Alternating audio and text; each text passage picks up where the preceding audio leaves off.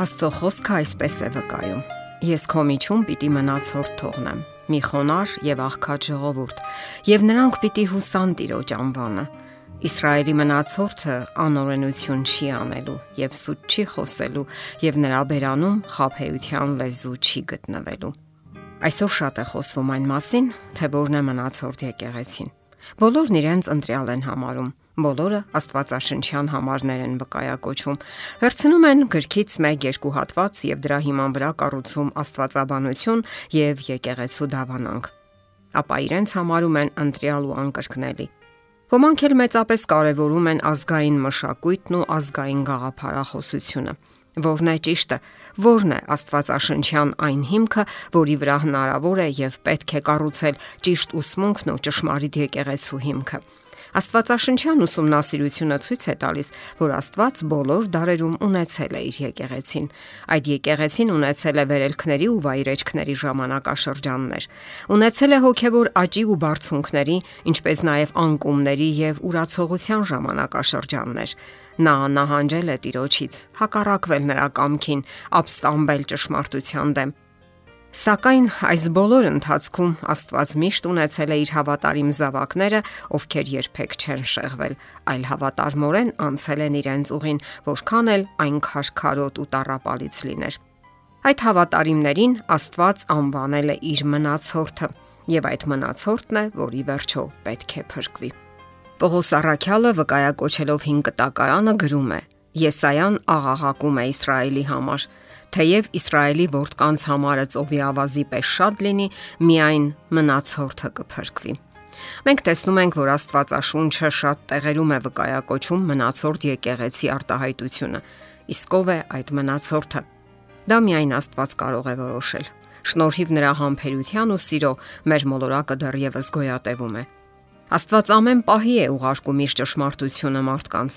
եւ նա էլ որոշելու է, թե ով է ի վերջո իր մնացորդը, որը փրկվելու է ամեն արհավիրքներից եւ ողջ առողջ կանգնելու է իր առաջ։ Մարդու փրկության գլխավոր գործոններից մեկը ազատ կամքն է եւ ցանկությունը, որ պատկանի Աստծուն եւ կատարի նրա օրենքը, պահի նրա պատվիրանները, եւ նա փրկվելու է շնորհիվ Աստծո, ով միշտ հավատարիմ է եղել իր խոստումներին եւ պահել ու պահպանել մնացորդին։ Դարձյալ դիմենք Աստվածաշնչին։ Եվ ահա նրա մեջ մնացորդ պիտի մնա ազատված, դուրս բերված տղերքն ու աղջիկերքը։ Հասկանալի է, որ Իսրայելի ողջ պատմության ընթացքում Աստված ունեցել է իր մնացորդը ընդդուք մինչև Հիսուսի խաչելությունը։ Իսկ Քրիստոսի ժամանակ արդեն նրանք կազմեցին նոր կազմավորվող եկեղեցու միջուկը, որը դարձավ Իսրայելի նոր կտակարանյան հոգևոր մնացորդը, հին կտակարանյան եկեղեցու ժառանգորդը, որը պետք է պահպաներ հնուց տրված ճշմարտություններն ու սկզբունքները։ Այդ մնացորդը բախվելով ամենատարբեր ավանդույթների հավատարիմ մնաց Աստծուն։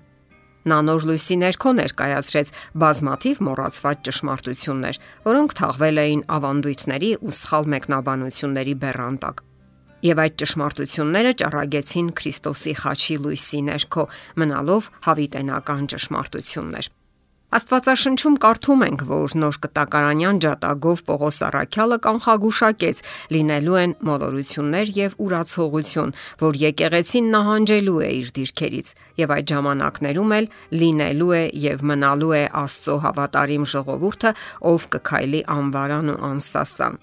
Իսկ որոնք են այն ճշմարտություններն ու սկզբունքները, որոնք առանձնացնում են մնացորդ եկեղեցուն։ Այսպես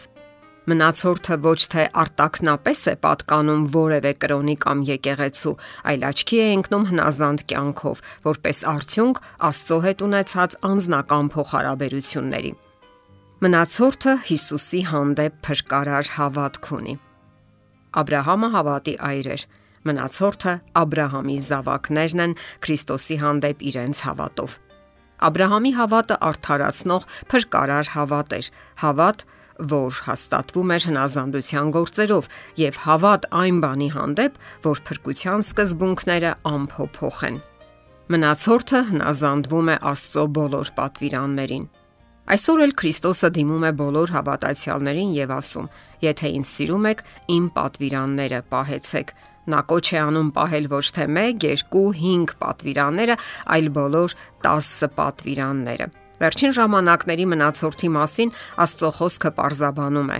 Այստեղ է սուրբերի համբերությունը, այստեղ են Աստծո պատվիրանները եւ Հիսուսի հավատը պահողները։ Մնացորդը հասկանում է մահվան մասին ճշմարտությունը, մեռելների վիճակը։ Այդ մնացորդը ոչ մի հարաբերություն չպետք է ունենա մեռածների հետ, չպետք է դիմի նրանց խորհրդի համար, օգնության կամ պաշտպանության համար, որովհետև դա հակասում է Աստվածաշնչյան ուսմունքին։ Եսայա մարգարեն զգուշացնում է. Եվ երբ որ ձեզ ասեն հարցրեք մեռելահարցուկներին եւ վհուկներին, փսփսացողներին ու քրթմնջացողներին, դուք էլ նրանց ասացեք. չէ՞ որ ժողովուրդը պետք է իր Աստծուն հարցնի, կենթանիների համար մեռածներին դիմի։ Եվ վերջապես մնացորդը հոգում է իր հոգևոր եւ ֆիզիկական առողջության մասին։ Դա նշանակում է կարևորել թե հոգևոր, թե ֆիզիկական առողջությունը։ Աստծո խոսքը մարդու մարմինը համեմատում է Սուրբ Հոգու տաճարի հետ։ Այսինքն, մենք պետք է հոգանք նաև մեր մարմնավոր առողջության մասին։ Չօգտագործենք ալկոհոլային խմիչքներ, ծխախոտ, անմաքուր կերակուրներ, որոնք արգելված են Աստվածաշնչում։ Կան այլ սկզբունքներ եւս, որ կարևոր են մնացորդին բնորոշելու համար։ Մնացորդը հասկանում է մեղքի էությունը։ Հստակ պատկերացում ունի Քրիստոսի առաջին եւ երկրորդ գալուստների մասին։ Եվ իհարկե, այդ բացված ճշմարտություններին համապատասխան է ապրում։ Եթերում ղողանջ հավերժության հաղորդաշարներ։ Ձեզ հետ է Գեղեցիկ Մարտիրոսյանը։ Հարցերի եւ առաջարկությունների համար զանգահարել 033 87 87 87 հեռախոսահամարով։